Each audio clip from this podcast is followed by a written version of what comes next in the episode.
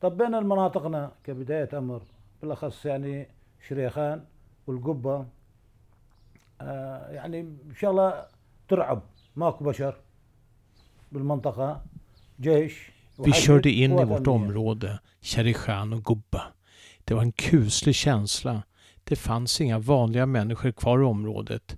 Bara armén, Hashtishabi, det vill säga den shiitiska milisen och يعني säkerhetsstyrkorna. بالمحلة ماكو بس إحنا جينا. واكو قليلين. يعني بيت هناك بيت بالفرع بيت هناك يعني بالخمس ست بيوت مناطقنا موجودين. Gatorna var totalförstörda. Husen var vandaliserade. Jag sa till min fru, om det kommer att se ut så här, då är det lika bra att vi återvänder. ومخرجينا واكو قليلين. يعني بيت هناك بيت بالفرع بيت هناك يعني بالخمس ست بيوت مناطقنا موجودين ب- شو اسمه ناس أما جينا Hur som على بيوت helst, بصراحة. när vi kom fram till vårt bostadsområde, بس باقي då var det i princip bara vi som hade återvänt. Det fanns väldigt lite människor. Kanske att det fanns människor i fem, sex hus i hela området. يعني حارقين حتى Och när vi kom till vårt hus så fanns det i princip bara väggar och tak kvar. Allt annat var förstört. Jag har bilder som visar det.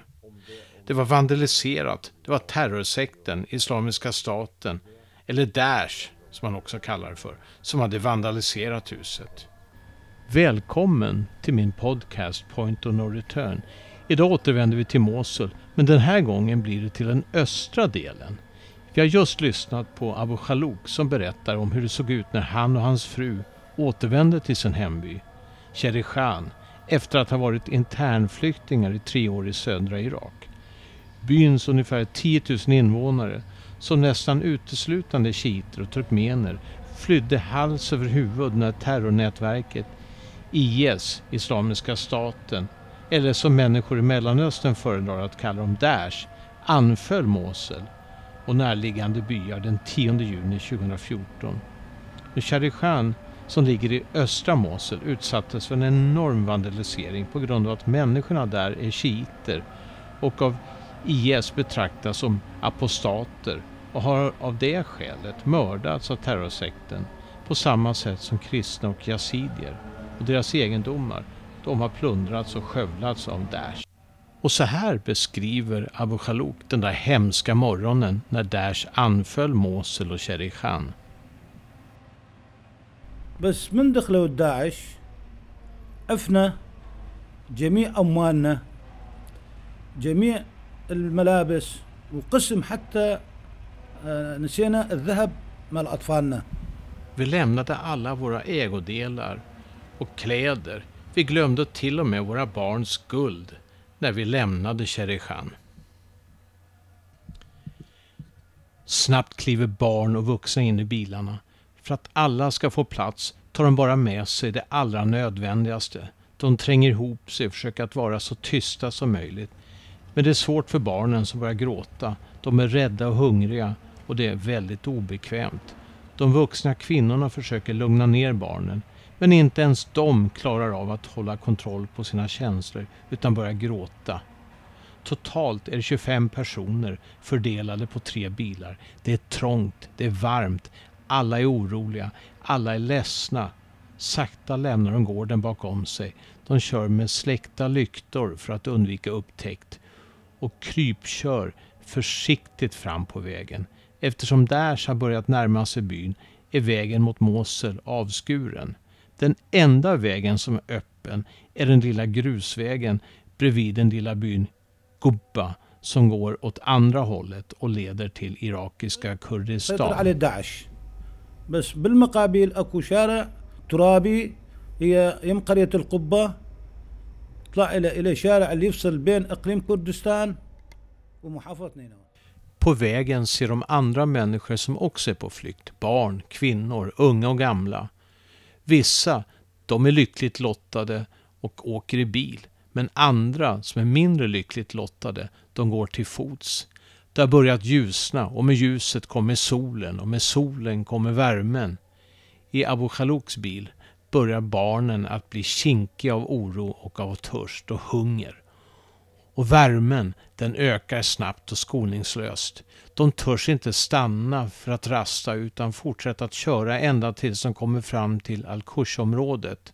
Där majoriteten som bor är kristna. För första gången på flera timmar vågar de stanna till och låta barnen stiga ur bilarna och sträcka på benen. De kristna byborna tar emot flyktingarna med öppna armar. Och de delar ut matlådor och lite kex och Pepsi och sånt, berättar Abu Khalouk. قاموا بتوزيع المأكولات اللي السفري احنا نسميه السفري يعني بعلاقة بها كيك وبيبسي وكذا من هالقبيل هذا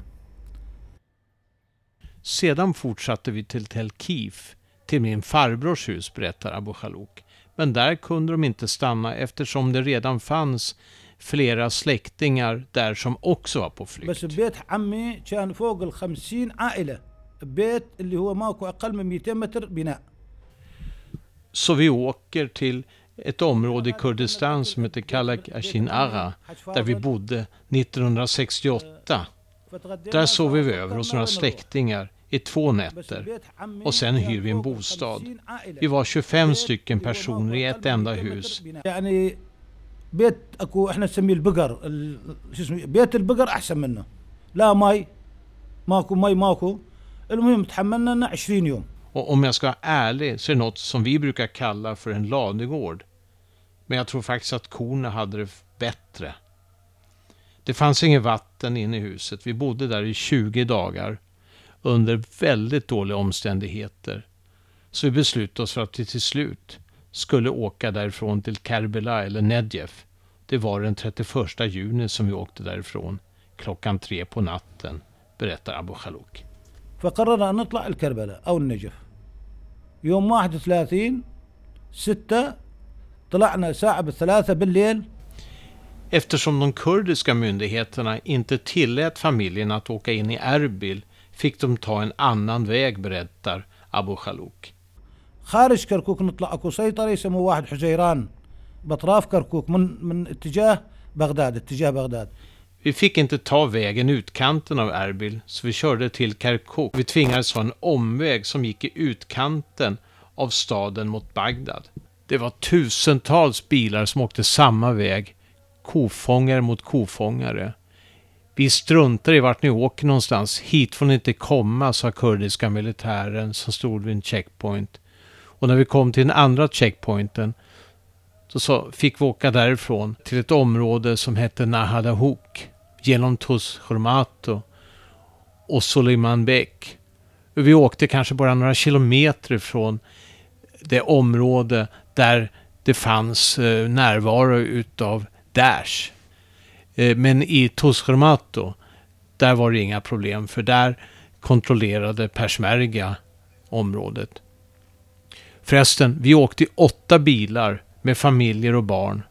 Och vi kom till Khanakin أخذنا som أولاد ligger på معنا gränsen بعدين mellan Iran och سيطرة Irak. ثانية الصويرة من الصويرة إلى الحلة وإلى الكربلاء فهذا ال- الوقت آه، استغرق عندنا 23 ساعة نمشي زين Resan var enormt svår och vi var tvingade att åka på gränsen mellan Iran och Irak. Och hela den här sträckan, den tog oss 23 timmar. 23 timmar åkte vi i våra bilar. بالسيارات 23 ساعة إحنا نمشي زين ويانا أطفال ويانا عوائل وبالمناسبة الطريق وعر والطريق آه، مو صحيح وصار عطلات هناك عندنا فظلوا العوائل في شوارع آه، يعني تحت الشمس ال- ال- Och vi hade barn och familjer i bilarna. Och vägarna, de var i det närmaste oframkomliga. Vi tog ibland fel väg. Och vår situation, den var så svår att vi blev som tiggare och fick tigga vatten. Och vi körde vilse många gånger. Och människor efter vägen, de gav oss vatten. Jag avbryter Abu Khalouk och frågar varför åkte ni inte till Erbil istället? Jo, vi åkte dit. Vi hittade ett väldigt fint hus till ett pris som vi hade råd att betala. Det kostade ungefär 300 dollar i månaden. Men sen så fick vi information och det här var under de här 20 dagarna där vi bodde på det här första stället att det hade kommit order att man behövde uppehållstillstånd. Och först då kunde man få stanna. Och för att få uppehållstillstånd så behövde man en sponsor. Vi skaffade en sponsor. Men trots att vi hade en sponsor så fick vi inget uppehållstillstånd. Och det verkar som att de kurdiska myndigheterna inte gav tillstånd eller uppehållstillstånd till turkmener och araber. Men de kristna och Shebak, de fick uppehållstillstånd, berättar Abu Khalouk. قالوا راح يجي تعليمات إلا إقامة إلا واحد يتكفلكم. جبنا كفيل كفيل موجود بس الإقامة بإقليم كردستان ما ينطونه. للتركمان ما ينطون وللعرب ما ينطون للمسيحي ينطون والشبكي ينطون. يعني هذه الموجودة. فحاولنا جهد إمكاننا Så småningom kommer Abu Khalouk fram till Karbala. Eh, men några andra ur familjen, de föredrar att åka till Nedjef istället. هيئوا لنا بيت اللي هم يسموه حسينية يعني مقتل المناسبات حسينية موجود هذه هو بيت مسوينه حسينية فقالوا يابا تعالوا اقعدوا هنا Invånarna i de här bägge städerna de erbjuder mat och husrum åt flyktingarna. Men däremot så fick de ingen hjälp av staten annat än att varje familj fick en engångssumma på cirka 800 dollar. نجي على الدعم الحكومي.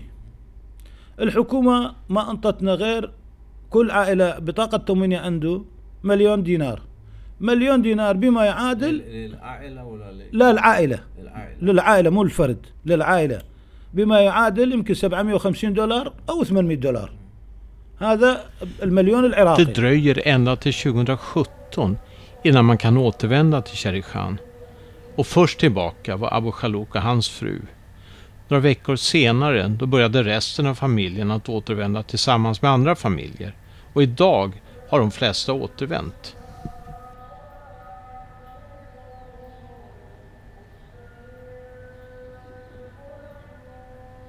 En kvinna från byn, vi kan kalla henne för Leila, hon berättar och beskriver hur det såg ut när hon återvände till sitt hus som hon hade lämnat rent och prydligt. Och när hon kommer tillbaka så är det förstörelse och smuts istället. Och Daesh hade till och med skrivit saker på väggarna, berättar hon. تلاقي بيتك تخلي مرتبة ونظيفة وحلوة تخلي تيجي خرابة ووسخة كل القذارة بيه وكاتبين على الحيطان Leila fortsätter sin berättelse. Vi återvände till den här stan där vi hade vuxit upp och det är klart att man blev förkrossad. Det var väldigt tufft att komma tillbaka och Islamiska staten, de fanns fortfarande kvar här i området när vi återvände och det fanns nästan inga andra människor här.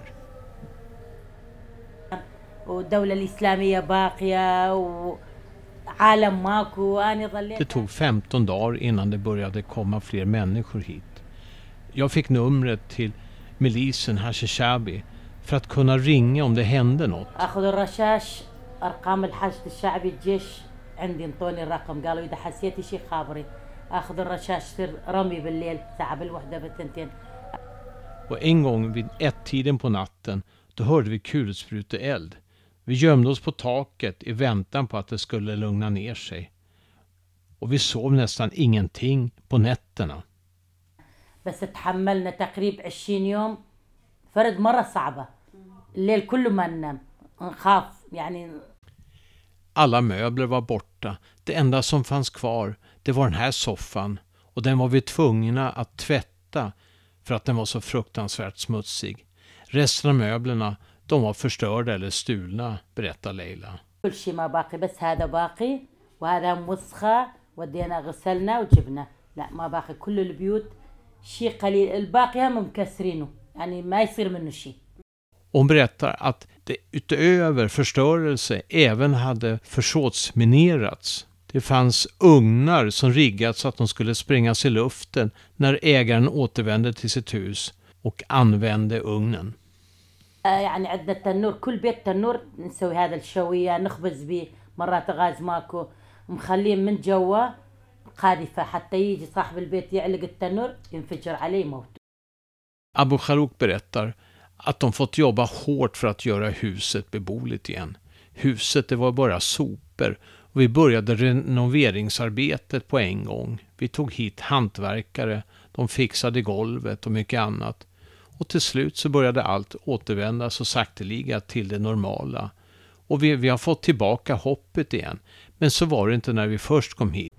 فبدانا يعني جهد نفسنا عندنا كم فلس بصراحة متحضرين لأن نعرف نحسب حساب أنه نلقى البيت خرابة فقمنا نشتغل جبنا بدأنا بالعمل جيب عمال وسوي شو اسمه شغلات Så när jag såg huset och såg att stommen fortfarande stod kvar, då kände jag mig lättad. Och dag för dag får jag tillbaka min hälsa och den fortsätter att förbättras. Jag går utomhus, jag ser mitt hus, jag ser mina vänner som återvänt. Jag skulle nog vilja säga att man nu kanske har återvänt till 90 procent till vårt område, om inte mer. يوم على يوم صحتي شوية رجعت يوم على يوم ولا زال على يوم يعني يعني أطلع أشوف بيتي أشوف جيراني أكو أصدقاء وربعي كلهم رجعوا يعني هسه تقريبا مناطقنا رجعوا 90% أو إذا ما أكثر Det här var också min hustru Hayat Jayolövs berättelse. För hon är född i Sherikhan men tvingades lämna sitt hem i mitten av 80-talet. Och det var hon och jag som åkte hit tillsammans. Det här är hennes intryck av byn. Jag har svårt att acceptera och det känns fortfarande som en film, inte verklighet.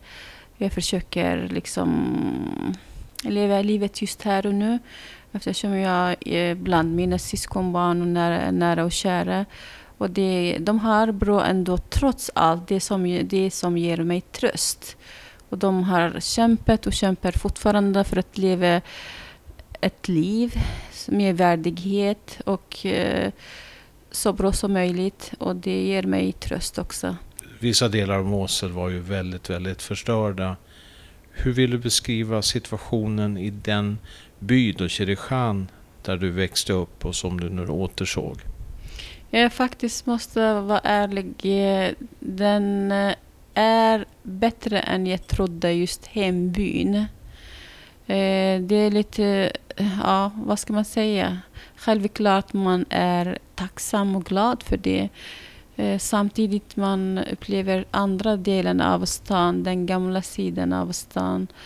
Det är så förstört, totalt förstört. Det går inte ens beskriva så stora områden. Jag försökte liksom bilda en, en karta i mitt huvud. Hur mycket var det, det här arien? Jag tror det är minst fem gånger större än eh, Stockholms gamla stan. Minst, tror jag. Ja, det var, ju, det var ju en enorm förstörelse. Så samtidigt så kan man se då i vissa områden hur man till och med har börjat att bygga upp och hur livet på något sätt hade återvänt. Viss, vissa delar kändes ju nästan som att de hade klarat sig helt och hållet. Jo, men det, vissa delar, det, alltså, just det, det här eh, nyare områden, de har klarat sig hyfsat bra. Men det krävs väldigt lång tid för att de ska gå till normaliteten, tycker jag ändå. Tack för att du lyssnat på min podcast Point of No Return. Om två veckor är jag tillbaka igen med ett nytt avsnitt. Men på urbanhamid.com kan du lyssna på tidigare podcasts och titta på bilder. Och nu kan du också lyssna på min podcast Point of No Return på iTunes. Och där kan du också prenumerera så att du inte missar kommande avsnitt. Nästa avsnitt kommer den 12 juni. Jag heter Urban Hamid.